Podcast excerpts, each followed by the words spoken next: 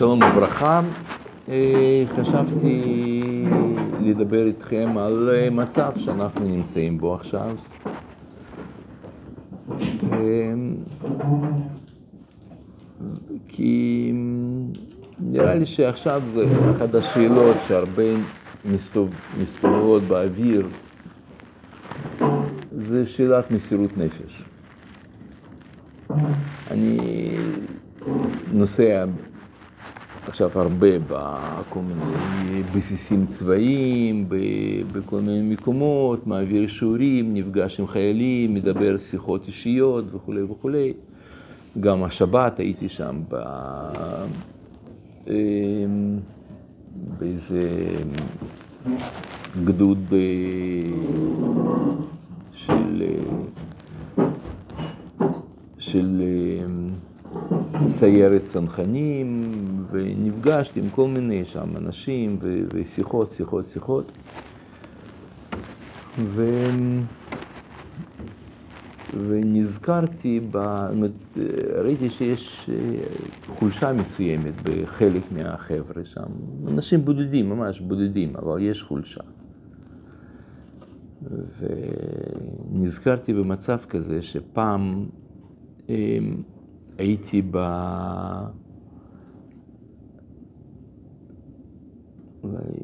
אולי, אולי ככה נסביר. השדר של ה... ש... שגורם לבלבול הזה ב... בין אנשים, זה שהם מבינים שהם כנראה הולכים עכשיו למלחמה, ובמלחמה כנראה תמיד יש פצועים ויש מתים. ואותם החיילים שנפגשתי איתם, הם בדרך כלל אלו הראשונים שהם הולכים לקרב. זאת אומרת, הם הטופ. ובדרך כלל בקרב של אנשים כאלה יש הרבה יותר הרוגים. כמו שעכשיו היה, אתם יודעים שבימ"מ שם נהרגו תשעה אנשים, ו... ובשייטת 13 נהרגו, ובמצב. הבעיה היא רק שהתרבות שאנחנו חיים בה משדרת לנו מין שדר כזה שהחיים זה דבר הכי יקר שיש לך. ו...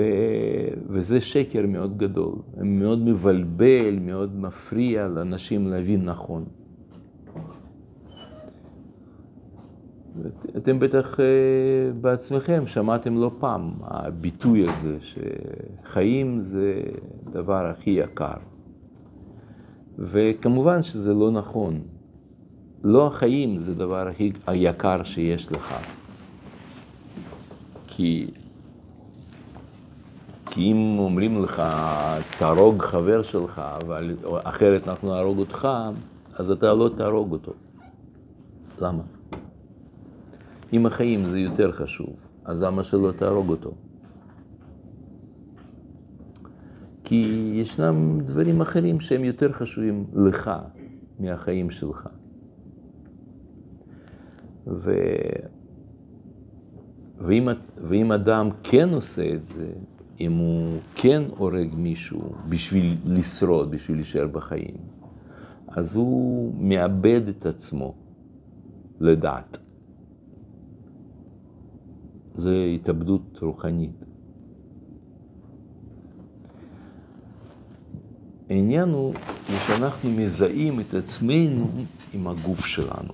אנחנו כמו ילד קטן, כשאתה שואל אותו מי אתה, איפה אתה, הוא אומר זה אני, אז ככה אנשים מפותחים יותר, הם מזהים את עצמם עם, ה... עם האישיות של עצמם. עם המחשבות שהם חושבים, עם האמונות שהם מאמינים, ספרים שהם קוראים, העולם הרוחני שלך.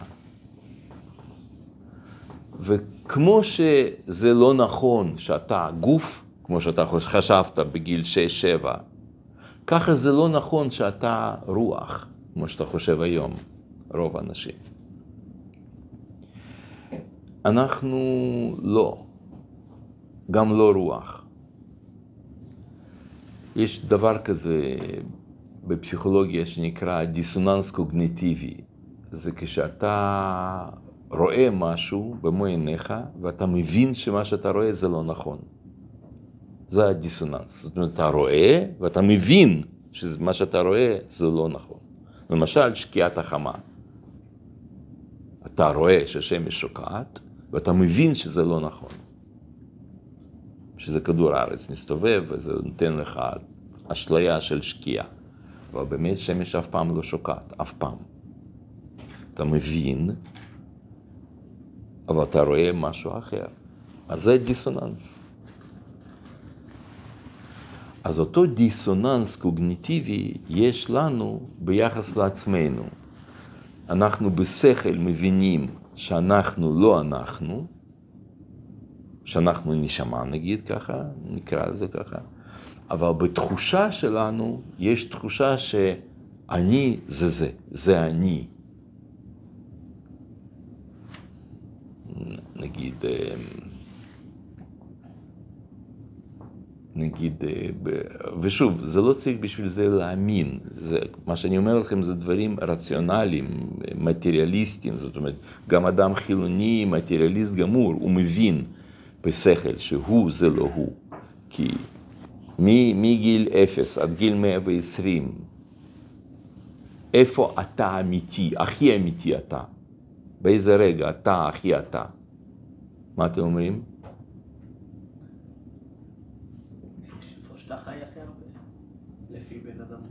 איפה אתה חי הכי הרבה? מגיל 0 עד 120? שאתה יוצר הכי הרבה. מה, איפה? איפה שאתה יוצר הכי הרבה. אה, איפה אתה יוצר הכי הרבה? אוקיי, מתי זה? 20, 30, 40. אוקיי. נע בין השנים האלה. נראה לי. זאת אומרת ש... כאילו, אני לא לוקח את זה אישי, אל תדאג. אבל אתם מבינים שזה לא יכול להיות, מה שהוא אמר עכשיו?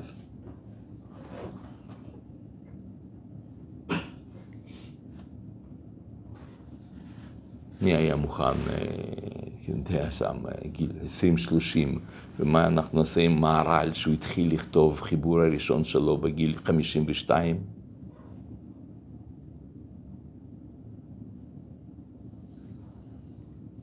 נו, מה אתם אומרים? מה מה? חושב שבן אדם יצר הכי הרבה, הוא חי הכי הרבה. אבל, אה, נו, ואז, אם הוא לא יוצר, אז, אה, ומה, ואתה מתכוון ליצור, יצירות, אה, אלא, כמו מהר"ל. אלא, לא משהו עם החיים שלו, משהו משמעותי עם החיים שלו. לא- לא קם בבוקר, אכל לי ישר. ומתי זה? לא. לאו דווקא זמן מוגדר, כאילו. זה יכול להיות גם רגעים, כאילו, בחיים שהבן אדם פה חי הכי הרבה יותר מאשר שהוא באותו יום שרף את היום שלו. אוקיי. ראה טלוויזיה כל היום. אוקיי, אוקיי, זה, זה, זאת אפשרות, נגיד, כן? אז זה אומר שעכשיו, ברגע הזה, אתה, אתה.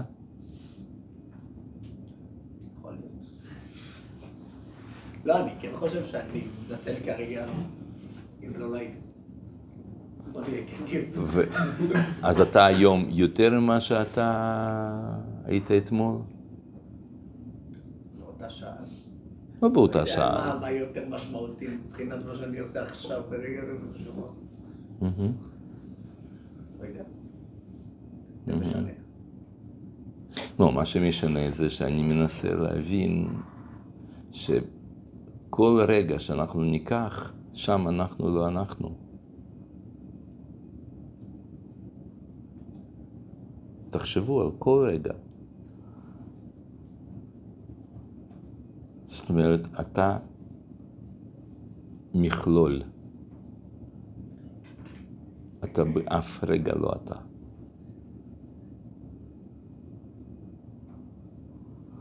ומי אתה יותר משמעותי, בתור אבא או בתור אה, מורה, רב, שזה יכול להיות אותו אדם.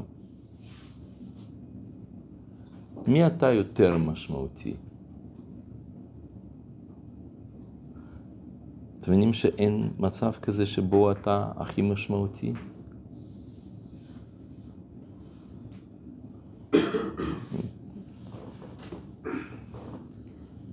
זה... זאת... אבל לנו יש אשליה ש... מה זאת אומרת, אני יודע מי אני. זאת אשליה. אבל לעשות את התפקיד של השם בעולם, לא. ומה הוא?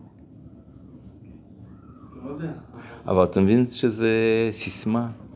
לעשות את רצון השם, לעבוד את אבינו שבשמיים, שם, ללמוד תורה, לקיים מצוות.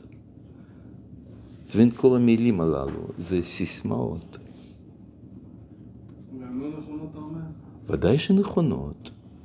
כל הנכון... השאלה אם אתה משאיר את זה בתור אמירה, סיסמה, או שאתה באמת חי את זה. ואז השאלה נשאלת, מה, מה הצד היותר דומיננטי שלך, יותר משמעותי? זה שאתה לומד תורה, או זה שאתה בן של אבא שלך? או, או אבא של מישהו לעתיד לבוא? קצין, או תלמיד חכם.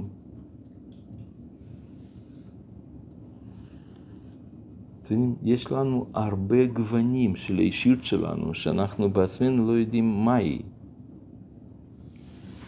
אז, אבל לכל אחת יש תחושה, אשליית האני. מה זאת אומרת, אני יודע מי אני. אבל באמת באמת לא.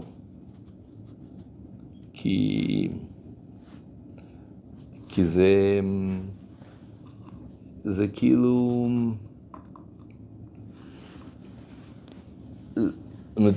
אין אף רגע ואף תפקיד ואף מעשה שבו אתה אתה. אנחנו פרוסים בזמן, במקום, בין אנשים. נגיד, אם עכשיו, מה שאתה, אבל כשנולדת, אם היו מעבירים אותך למשפחה אחרת, אז אתה מבין שאישיות שלך הייתה היום שונה לגמרי? לא רק אישיות, גם פנים שלכם היו שונים קצת. הייתם דומים לעצמכם היום. כמו שחז"ל אומרים, חוכמת אדם תאיר פניו, אז העולם הפנימי מאיר בפנים. זה היה מישהו אחר. זאת אומרת, האישיות שלך היום כוללת את מורים שהיו לך, את אבא ואימא, אחים, שכנים, כל זה, כי בלעדיהם, אישיות שלך, אתה, היית מישהו אחר. הסימן שאתה היום כולל אותם. זה ברור, נכון, מה שאני אומר? אתם מבין, מסכימים עם זה. זאת אומרת, מה שאנחנו קוראים אני, זה בדרך כלל זה לא מה שאנחנו באמת. אנחנו באמת זה נשמה. ולכן אנחנו מוכנים למות למען ארץ ישראל. כי נשמה לא מתה, אז כשאתה מוסר את הנפש שלך, אתה מוסר לא את הנפש, אתה מוסר את הגוף. או נשמה, נ, נ, כאילו נפש, כן? אתה מוסר את הנפש שלך למען עם ישראל. יש משהו שהוא יותר חשוב ממה שאתה מזהה כאתה. ו... וכשאדם מוסר את הנפש שלו, אז הוא מקבל תמורת זה נשמה. והנשמה זה נצח. אתה פרוס בזמן, במקום, כולל, כולל נשמות אחרות, אתה כלל. זה ה... ואילו אני שלנו, במרכאות, אני הקטן שלנו, כל הזמן מת. הוא כל הזמן. נגיד, אה, איפה אתה בגיל 15? איפה הוא היום? הוא מת, אתם מבינים, נכון? הוא מת. כמו שאתה הנוכחי תמות בעוד זמן מסוים, שאתה תפסיק לזהות את עצמך עם ההופעה הנוכחית. כמו שאתם הפסקתם לזהות את עצמכם בגיל 15. ו... ומה שנוסף לזה מיוחד, זה שלא משנה מה יהיה, בסופו של דבר, מה שאנחנו נקלוט בתור אני, בסופו של דבר ודאי ימות. זה לא יהיה מצב כזה שטוב, אז אני מזהה את עצמי עם משהו לזה, ובסוף אני לא אמות. כולנו נמות בסופו של דבר. אז אם... אה, אז כל השאלה מה אחר כך, אחרי שנמות. אין כאן שאלה אם אתה מתישהו תמות או לא. השע, עיקר השאלה מה קורה אחר כך, אחרי שאתה מת. אז, ה, אז תפיסה המטריאליסטית אומרת, כשאתה תמות לא יהיה כלום, יהיה דממה, חושך, שקט, לא יהיה כלום. ותפיסה שאנשים שמאמינים אומרים, זה יהיה אין סוף, זה יהיה נשמה, עולם הבא ועוד ועוד דברים אחרים. אז זה, זה ההבדל בין שתי תפיסות. כן, מה רצית להגיד? כן, הרב בהתחלה אמר שאני זה נשמה, אז הוא אמר שאני זה איך שאני תופס את עצמי, ובמילא הדבר הזה מת כל הזמן. כן, זה שני סוגים של אני. אני מבין מה שאתה שואל, אתה שואל טוב. יש שני סוגים של אני. יש אני אמיתי ואני הפרגמנטרי. פרגמנט, יש מושג כזה שנקרא, זה קטע. צורת, בפסיכולוגיה יש עניין כזה שצורת החשיבה שלנו היא קטעית, פרגמנטרית. אנחנו קולטים מציאות, קטע, קטע, קטע, קטע. פעם הסברתי לכם את זה, אני חושב, לא? לא הסברתי את זה? טוב, דעו לכם. שצורה, זה... אז נגיד, אנחנו קולטים זמן, שזה עכשיו, אבל אתה מבין שזה, מה שאתה קולט עכשיו, זה חלק של עבר וחלק של עתיד. אבל אנחנו מתייחסים להווה כמציאות. למרות שבשכל אתה מבין שזה חלק של מציאות.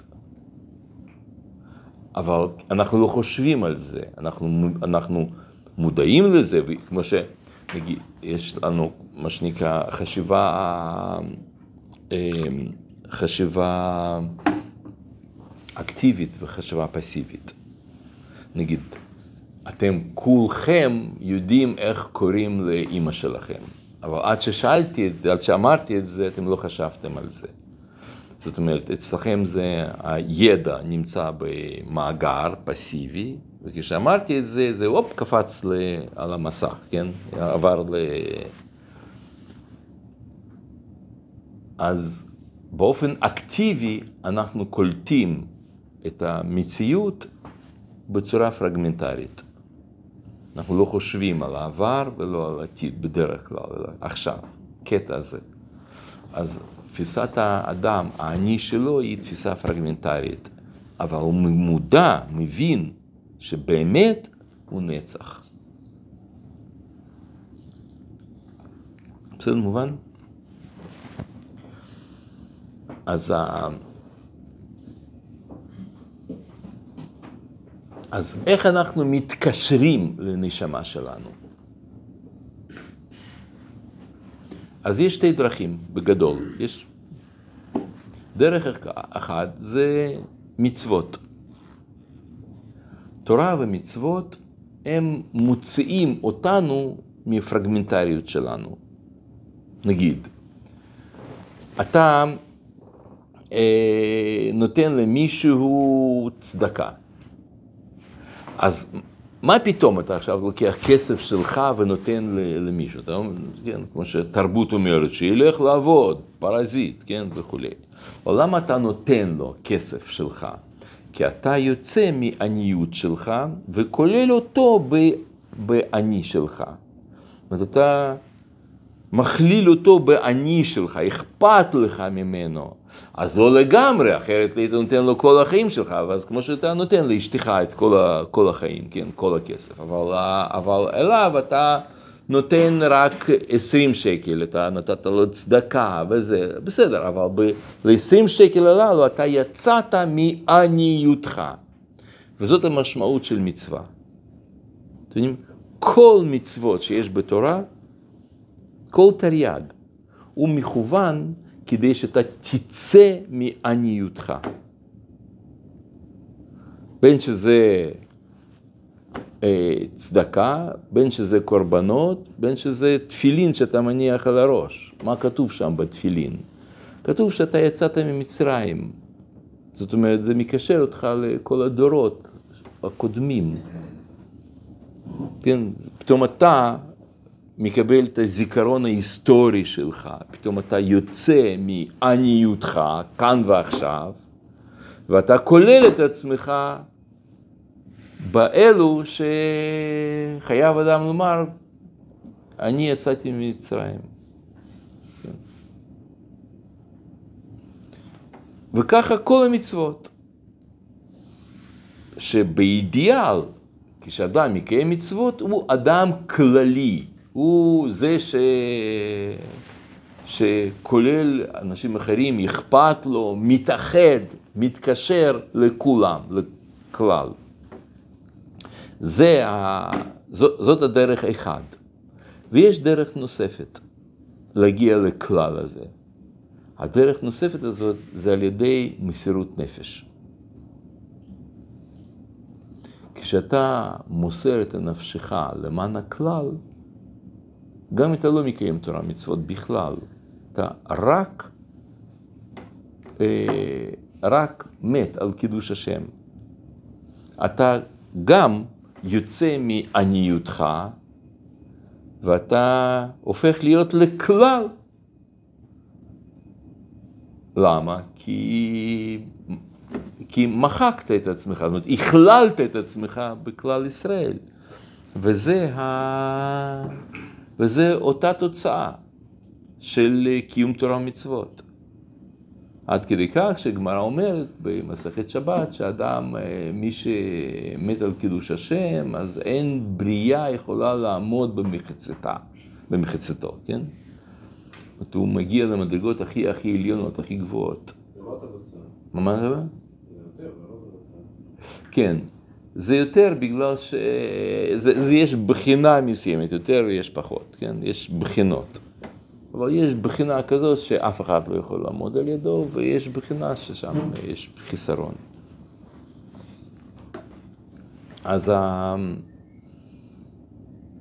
אז, אז כמו שאנחנו יודעים, שזה אומר...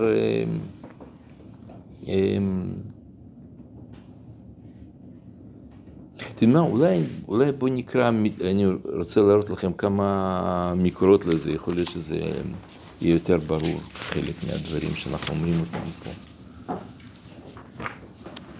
הנה.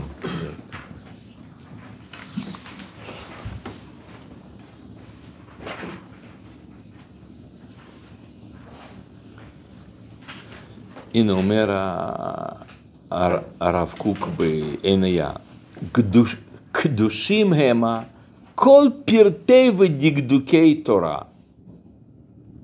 אשרי נזהר בהם ומקיימם באהבה, ואוי לו למי שדש בעקביו אפילו דקדוק של מצווה קלה. אבל מקור הערך הזה, הנשגב הוא, בא רק מקדושת הכלל. מכוח הלאומי המיוחד הישראלי התלוי בארץ ישראל. זאת אומרת, אנחנו מקיימים תורה ומצוות בגלל שעם ישראל קיבל עצמו תורה ומצוות. זה לא קשר ישיר ביני ובין ריבונו של עולם, ואני עושה את מצוותיו, אלא מצוות מקשרות אותנו לכלל.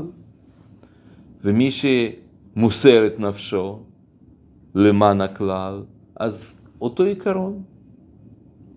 כמו שאנחנו יודעים שאחד ההסברים של חז"ל על אה, מתן תורה, ש...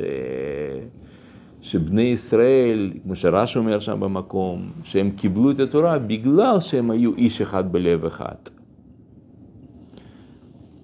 זאת אומרת, עצם העובדה שהם נהיו איש אחד בלב אחד, עצם העובדה הזאת הייתה קבלת התורה. זה מה שאפשר קבלת התורה. כי תורה זה לא תוכן איזשהו רוחני או אינפורמציה מסוימת או תוכן אינטלקטואלי מסוים שאתה שמעת לא יהיה לך אלוהים אחרים על פניי, ואתה אביך אמך, ואתה אל תקנא ואל תחמוד, או יופי, בסדר, אה, הבנתי, טוב, יופי, בסדר גמור, התחברנו. לא. זה כל המצוות, הכל הכל הכל, זה הכל חושף את העניותנו הכללי, כלל ישראלי, מקשר אותנו לכלל. כן. איפה הבת השם נכנסת בכלליות הזאת? מה מה? איפה אהבת השם והפרסונה לקדוש ברוך הוא. אה, מתקשר בכלליות הזאת? כן, אני חושב שזאת הכוונה, שכשאנחנו אומרים שהשם אחד, אנחנו ואהבת ואהבת את השם אלוקיך וכל זה, אומרים שהשם הוא אחד. אז אנחנו מתכוונים לומר שאנחנו כולנו אחד. אנחנו חלק מהופעה אלוקית, חלק מהופעת השם. אז זו הכוונה ש... בסדר, מובן? זאת אומרת, איפה אהבת השם? אהבת השם מתבטאת בזה שאנחנו יוצאים מעניותנו, מפרטיותנו, ואנחנו מכלילים את עצמנו בכללות האלוקית.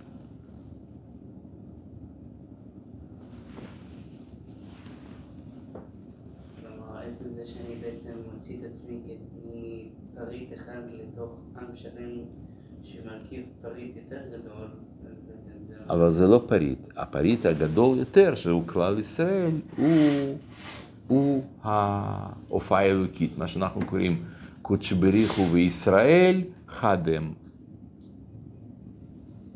אתה מבין? אתה מתקשר לריבונו של עולם על ידי זה שאתה מתקשר לכלל ישראל, וכלל ישראל הוא מה שנקרא חלק אלוקא ממעל, וה... ועם ישראל הוא הופעה, הוא בחינה של הקדוש ברוך הוא. בעצם הרצון שאני, הרצון שלי להיות האחד הגדול הזה, בעצם מה שמביע את האהבה. כן, נכון. נכון. הרב, למה בתנ"ך יש הרבה סיפורים ש... עוד פעם, שבית... איפה? בתנ"ך יש הרבה סיפורים שצדיקים כאילו בוכים ואבלים על ה- על ה- על הילדים שלהם. על ילדים שלהם? דוד המלך. אה, לא. שמה, ש... אה, אז, מה- אז מה השאלה?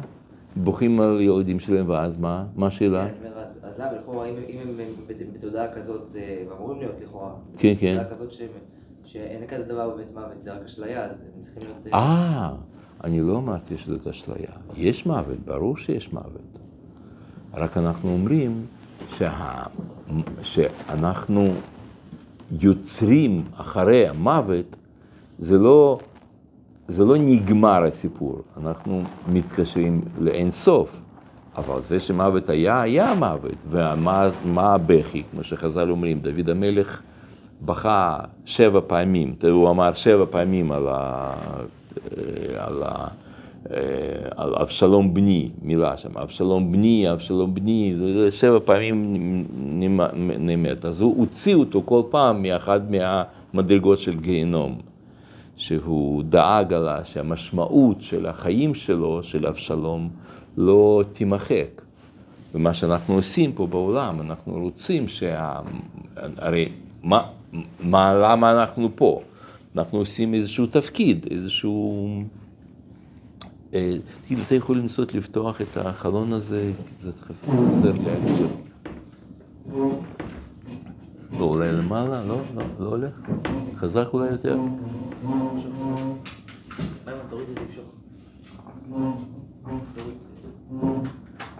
לא, פשוט חזק, לא?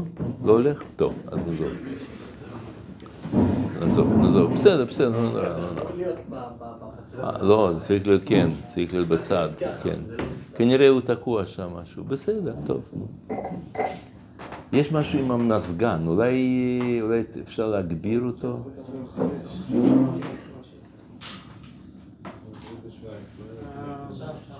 או פה. זה על כל היד שלי. כן. תודה רבה.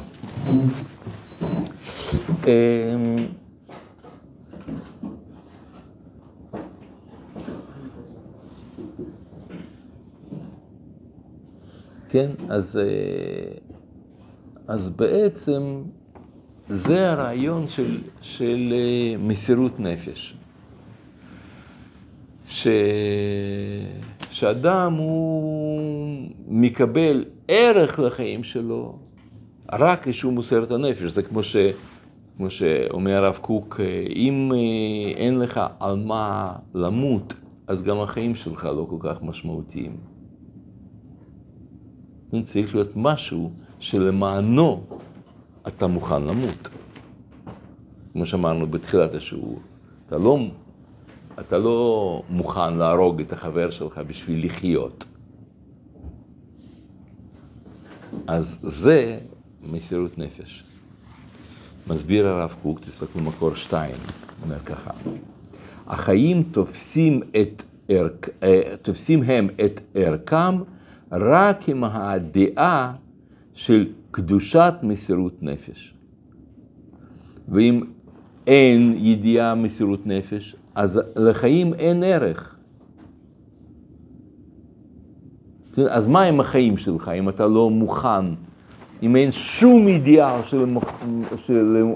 שלמענו אתה מוכן למות? אז החיים שלך הם בעצם רק לאכול, ליהנות, וזה חיים, חיי בהמה, שזה מאוד דומה לבעל חיים. לכן הוא נקרא חיים, בעל חיים, כי עיקר העניין של בעל חיים זה בחיות עצמה, לחיות. ואדם, יש לו משהו שהוא מעבר לחיים. לכן הוא מוכן, מסוגל, למסור את החיים. מבינים? ואם אין שום דבר שלמענו אתה מוכן למסור את החיים, אז אתה במדרגה של בעל חיים. אז על זה, זה מה שאומר הרב קוק, כן? החיים תופסים הם את ערכם רק עם הדעה של קדושת מסירות הנפש. כשיש על מה למסור את החיים, אז החיים הם דבר שיש להם ערך. ומסירות הנפש היא הראיה, ראיה להיות, היא ראויה, סליחה, להיות על תוכן, של, תוכן כל כך עשיר ומלא, עד שכל העושר של החיים היה נשאב אל תוכו ובטל אליו כניצוץ אה, בלהבה. וזאת יוצאת אל הפועל על ידי מסירות הנפש שבקדושה. כלומר, המסירות נפש, אתה לא יכול להגיד, טוב, אני מוסר את הנפש שלי בשביל סטארט-אפ. ואני מתמסר לזה, לכל לכל. הוא אומר, לא, זה צריך להיות מסירות נפש לתוכן כזה, כל כך עשיר ומלא, עד שכל עושר של החיים יהיה נשאב אל תוכו ובטל אליו כי ניצוץ ב- בלהבה. כן? זאת אומרת, כל מה שאתה עושה שם, אה, לכתוב ספרים, אה, למצוא תרופה לסרטן, לגלות את זה, כל זה, למען זה לא כדאי למסור את הנפש. צריך להיות רק למשהו שהוא קדוש, משהו שהוא על עולמי, שלמענו אתה מוכן למות. אז, אה, אז זה הרעיון. ו...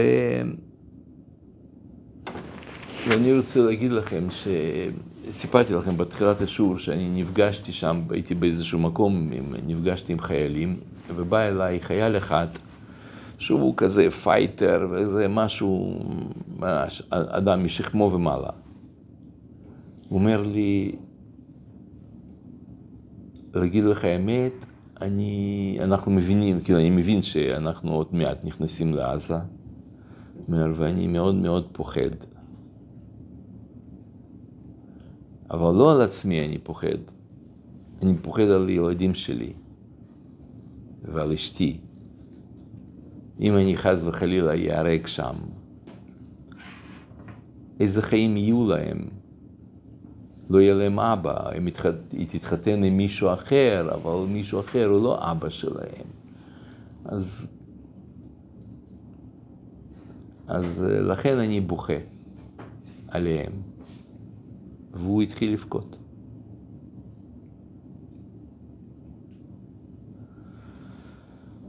ואני אמרתי לו שכש... שיש איזה עניין בפסיכולוגיה שנקרא הדחקה. אדם יכול להיות במצב כזה, שאם, אתם יודעים מה, אני רואה שקר לכם, הוא לחץ שם הרבה הרבה פעמים, אז אני רואה שחבר'ה סוגרים את המעילים. מבחינתי זה הכי טוב, אני, אני נהנה מקור, אבל אם, אבל אם אתם רוצים, אולי תמניחו קצת בשביל שלא... לא לכולם יש סוודרים.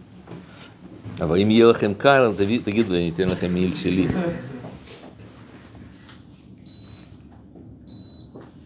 תודה רבה.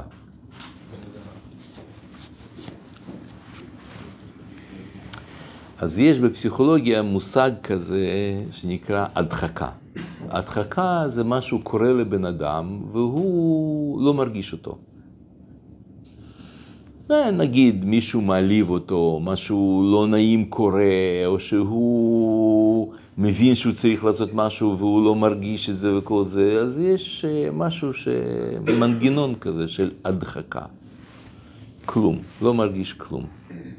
הוא יכול אתם בטח, אתם חוויתם את זה אולי לא פעם. כולכם מרגישים את זה, לפעמים פתאום שם סבא מת, כולם בוכים ולא מזיז לכם, לא, לא מרגישים כלום. זה לא בגלל שלא אכפת לכם מסבא, אלא זה מנגנון בראש. ובפסיכולוגיה הרבה עובדים אה, לבטל את ההדחקה, כי כל עוד שאדם לא ביטל את ההדחקה ויש לו, אז uh, זה משפיע עליו, אבל הוא לא, לא מרגיש כלום, ואחר כך זה גורם לו משברים ועניינים ועוד כל מיני דברים נאורטיים. אז, אז, אז מאפשרים לבן אדם להשתחרר מההדחקה הזאת, לקלוט את המציאות כפי שהיא, ולהתמודד איתה, ולהסביר, ולהגיד, וזה, והוא מתמודד עם, עם, עם, עם העלבון ועם העוול שעשו לו, או עם אבל, עם, עם משהו ש... שכול. צריך להיות מסוגלים להתמודד עם זה, ולאט לאט הוא נחשף לזה ומתמודד עם זה. אז זה הרעיון של, של טיפול, באחד אחד הגוונים, אחד הדרכים בהדחקה. אבל, כמו שהקדוש ברוך הוא ברא, כל הדברים הללו, לא, לא לתוהו הוא ברא. זאת אומרת, כל, כל דבר, גם שהוא זה, זה מין מערכת הגנה על עצמנו.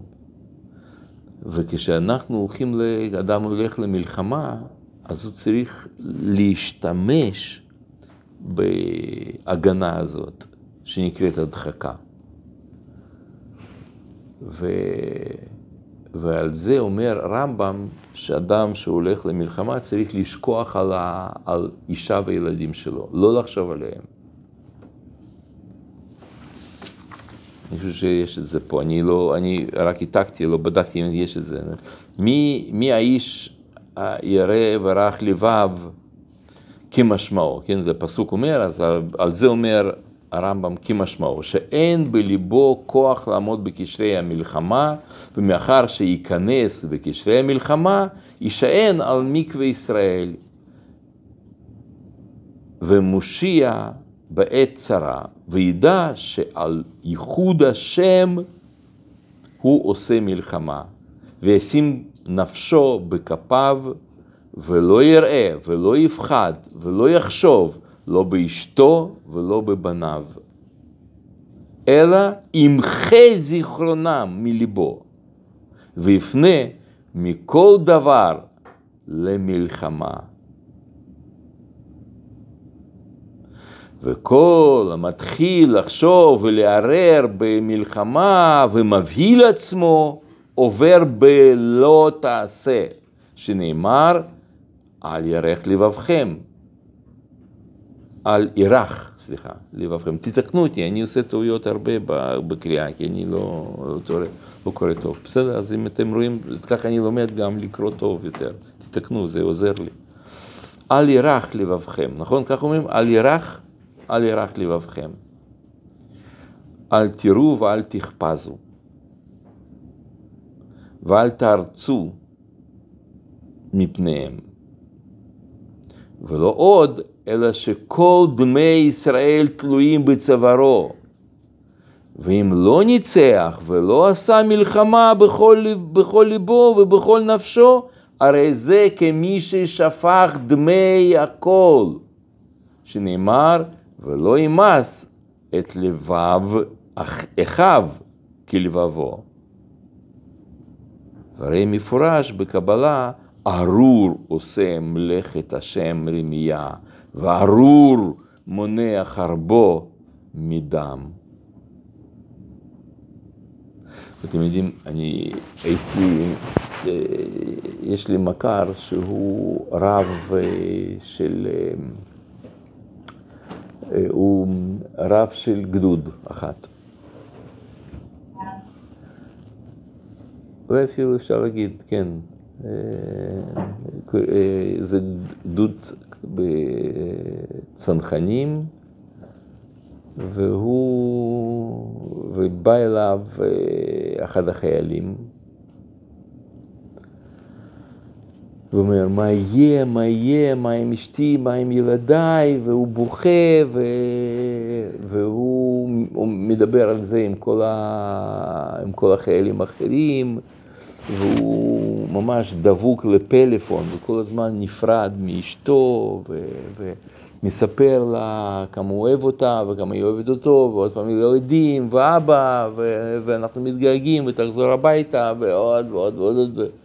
אז, אז הרב הזה אמר לו, תשמע, אני מציע לך, תיסע הביתה. אני, משח... אני אשחרר אותך ממילואים. אני אדבר עם המפקדים וכל זה, אני לוקח את זה על עצמי. עכשיו פשוט תאסוף כל הדברים שלך, תיסע הביתה. אומר, לא, הרב, איך אפשר, וזה זה, כל החבר'ה. אומר, לא. אני, אני ממש מבקש ממך, תיסע. זהו, וככה הם סגרו, ו... ולמחרת בבוקר, זה היה ב... ביום שישי, כן? בשבת, ביום שישי בערב, בערב שבת. ולמחרת בבוקר הוא רואה אותו, ואומר לו, מה, מה קרה? מה, למה אתה פה עדיין? אומר, לא, אני החלטתי שאני נשאר ואני אהיה חזק וכל זה. אומר, בסדר, אבל בתנאי שאתה לא מדבר עם אף אחד, עם, עם אף אחד מחיילים, שום מילה. סיכמנו, ככה זה נגמר. אז אותו, אותו חייל שבא אליי לדבר, אני, אה, אני אמרתי לו ש... הקראתי לו את הפסקה הזאת ברמב"ם, ואמרתי, אתה צריך לשכוח מאשתך ומילדיך. פשוט אל תדבר איתנו. אה, ו...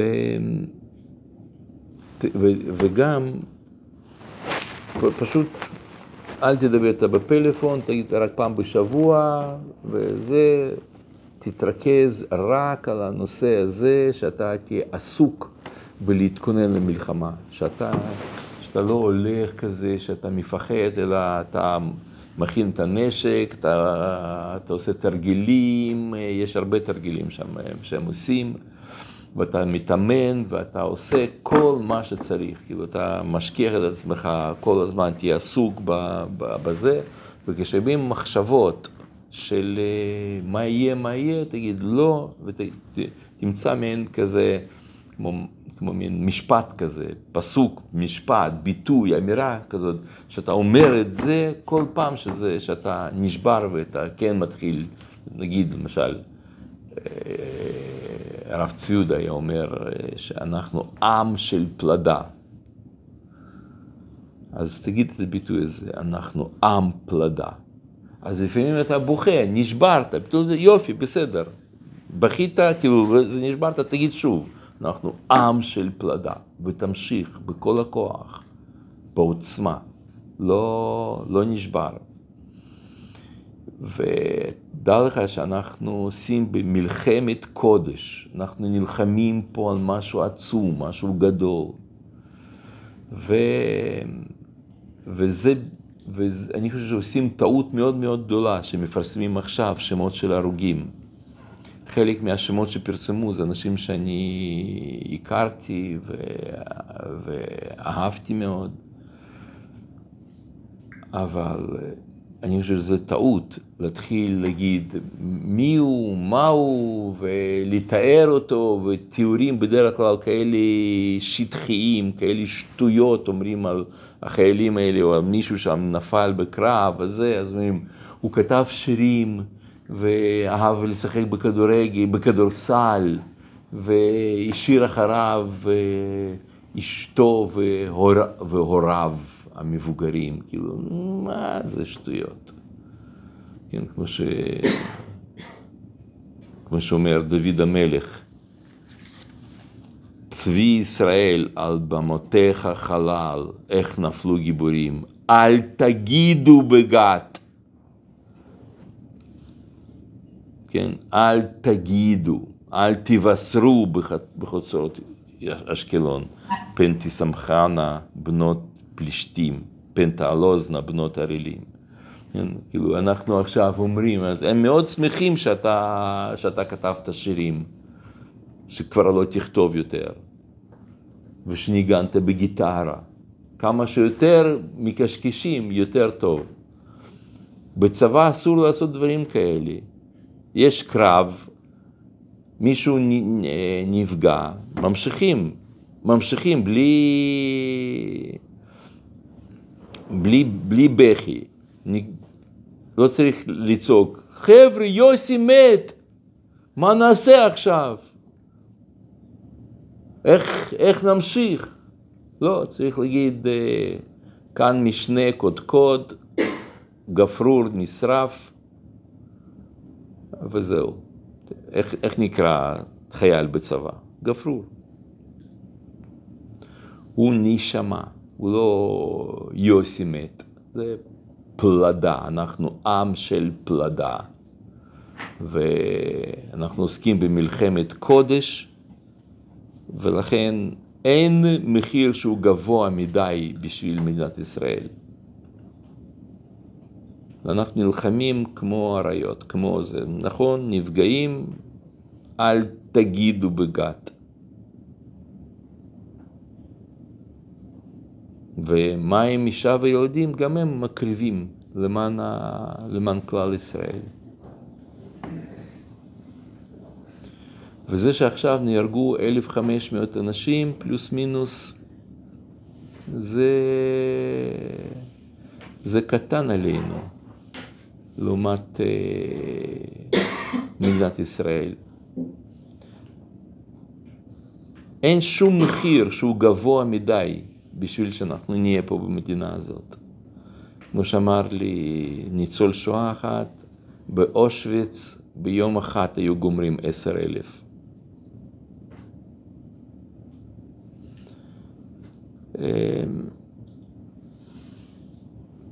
ו... וזה הרעיון.